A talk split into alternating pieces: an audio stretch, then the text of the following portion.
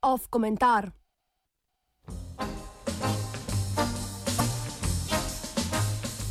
Nov hashtag stare zablode.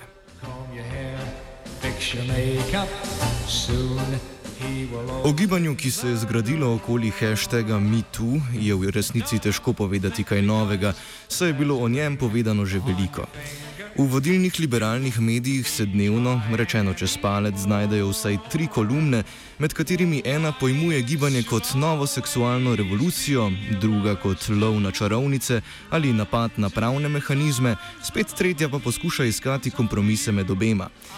Če predpostavimo, da gre pri gibanju res za novo seksualno revolucijo, ki je tokrat usmerjena v preoblikovanje diskurza o ženski spolnosti in o razmerih moči, ki jo zaznamujajo, je treba dokazati, da gibanje MeToo v to debato prinaša nekaj revolucionarno novega in progresivnega.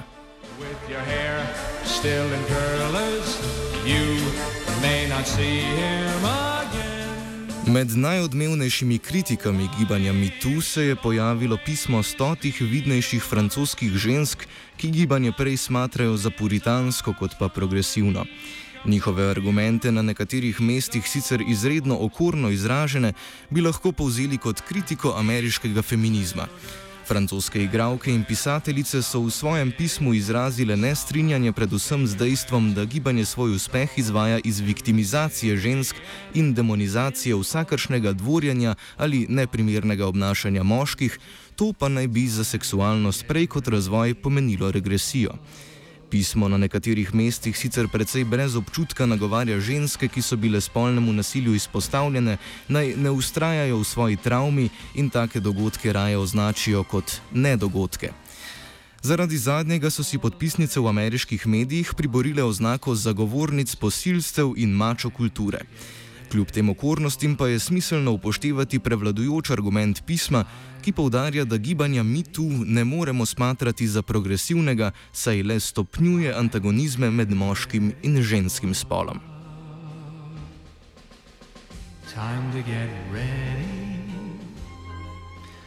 Toda pojdimo od začetka in skušajmo ugotoviti, zakaj je gibanje sploh pridobilo takšen zanos in ali v njem lahko najdemo vsaj zametke napredka v tem, kako spolno nasilje dojemamo na družbeni ravni. Sloviti hashtag MeToo, ki je od oktobra lani mnoge ženske pripravil do tega, da so javno obtožile svoje javnosti dobro znane napadalce, je sicer nastal že leta 2006. Ustvarila ga je aktivistka Terena Burke, da bi ženske spodbudila k deljenju lastne izkušnje spolne zlorabe, s čimer naj bi ostale žrtve dobile občutek, da v svoji zlorabljenosti niso same in bi tako pogumno stopile naprej ter prijavile zlorabo.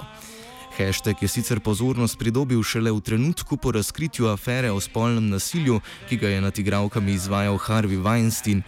Od takrat naprej pa služi predvsem poročanju o zlorabah, ki so jih vršili slavni moški, večinoma holivudski pomembneži, med njimi pa tudi nekateri politiki.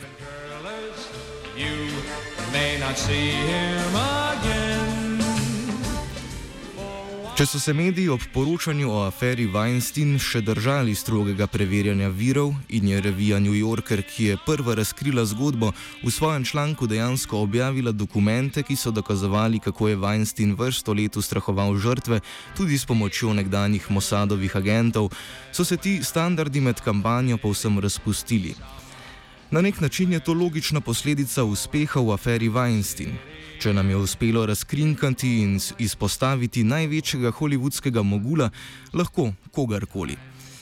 Takoj, ko se je gibanje pospešeno razširilo, ko ni minil teden, da produkcijska hiša na listo neželenih oseb ne bi dodala novega igralca, je anonimno pismo žrtve postalo dovolj, da se obtoženega razgali kot spolnega izprijenca.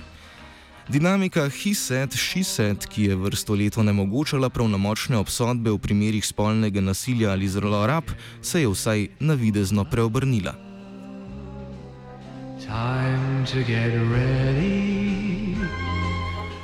Pregon spolnih zlorab se je vedno soočal s problematiko dokaznega bremena na strani žrtve, zato je tudi večina feministične struje zagovarjala, da je treba žrtvam, ki nasilje prijavijo, brezpogojno verjeti.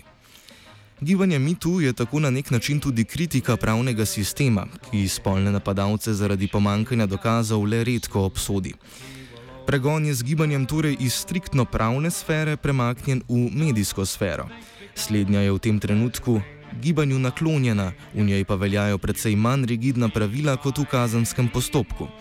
Hitro pride do poimenskih obtožb, ki pa jim sledijo tudi posledice za obtužene, predvsem v podobi omadeževane javne podobe, s katero nihče ne želi imeti opravka. Iz poročanja tako izbrisana domneva nedolžnosti napadalca, izginejo pa tudi ločnice med različno strogo kaznovanimi dejanji.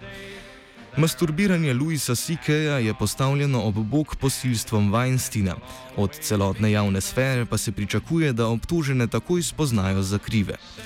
Stopiti v bran obtoženemu namreč avtomatično pomeni tolerirati njegovo obnašanje in ga dojemati kot legitimno.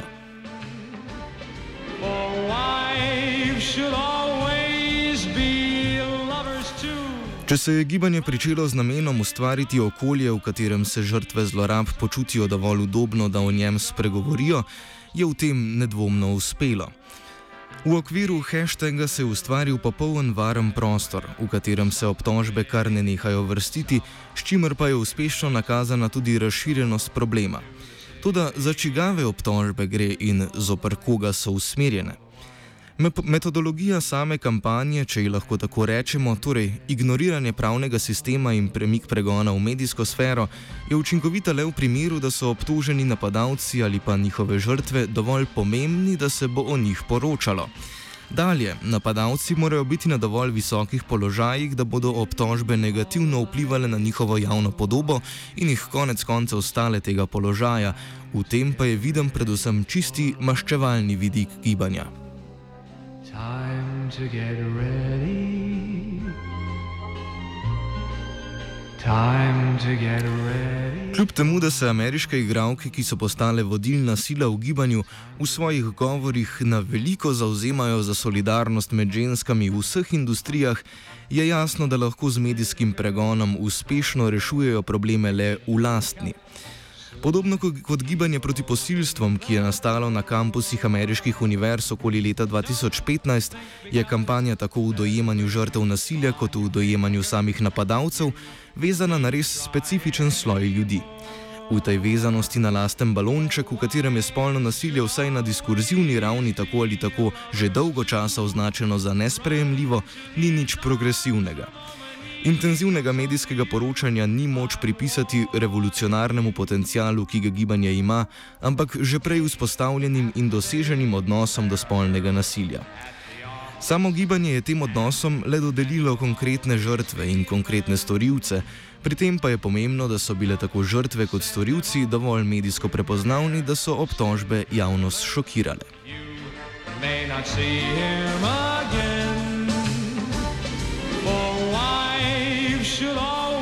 Največji šok, ki je sledil gibanju MeToo, pa ni izhajal iz spoznanja, da so spolne zlorabe tako razširjene, temveč bolj iz dejstva, da so tako razširjene prav v tej industriji, prav med temi civiliziranimi, izobraženimi ljudmi. Podobno se je javnost odzivala že na gibanje proti posilstvom na ameriških univerzah, kjer ni bila toliko v ospredju sama razširjenost posilstv, temveč bolj to, da so se posilstva dogajala prav na elitnih univerzah, Kolumbiji, Yaleu in podobnih, in da so bile te elitne univerze tako porazno slabe pri ukrepanju proti storilcem. Gibanje s pomočjo črne liste le konkretizira vzorce obnašanja, ki so bili v liberalni sferi že tako ali tako spoznani za nesprejemljive, svojo šokantno vrednost pa izvaja le iz dejstva, da se ti vzorci še vedno pojavljajo prav v tej sferi. Da pri tej konkretizaciji pomaga žrtvam, ki se počutijo izolirane, je sicer res, vendar pomaga predvsem posameznim žrtvam in pa tistim, ki imajo srečo, da od svojih napadalcev niso tako ali drugače odvisne. Time to get ready for love. Time to get Prevladujoči del mnen, ki se krešajo okoli gibanja, trdi, da se ne glede na vsaj površinsko omejenost na holivudsko industrijo, s pomočjo hashtaga sprožajo pomembne debate o naravi spolnih zlorab in spolnega nasilja. Odpirajo se vprašanja o tem, kako dojemamo seksualno prisilo in izkoriščanje moči nad nekom. Da prisila ni nujno fizična in da gre lahko pri zlorabi tudi za zgolj prefinjeno manipulacijo, so sicer relevantna dognanja, vendar so zopet le potrditev nečesa, kar je v liberalno orientirani sferi že sprejeto. Onkraj tega je gibanje nezmožno refleksije o vzrokih spolnega nasilja. Nezmožno je interpretirati razmerja moči izven tradicionalnega razmerja med tistim, ki dominira in tistim, ki je le prisilno dominiran.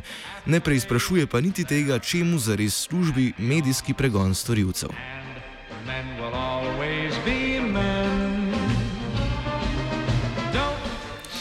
Še vedno misliti spolno nasilje, kot ga misli Susan Brown Miller, je torej kot zavesten proces ustrahovanja, ki ga izvajajo vsi moški nad vsemi ženskami, razmeroma neproduktivno početje. Predpostavka, da gre pri spolnem nasilju za zavestno izvrševanje moči enega spola nad drugim, ignorira pogoje, ki takšno razmerje sploh delajo mogoče. Brez refleksije o prav teh pogojih bosta gibanje in z njim preboj pri dojemanju spolnega nasilja ostala omejena na sfero, ki je sploh omogočila njun nastanek. Še več, brez te refleksije gibanje bolj stopnjuje antagonizme med spoloma, kot pa jih zmanjšuje, in vsaj v tem imajo francozinje popolnoma prav. Nezmožnost zagovornikov gibanja odzvati se na take kritike ali pa jih vsaj razumeti, bolj kot na njihovo progresivnost, kaže na popolnoma omejen domet tega, kaj gibanje sploh lahko doseže. Komentirala je Lana.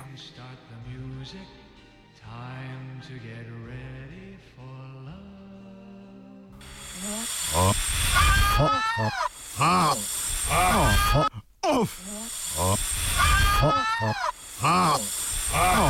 Off komentar.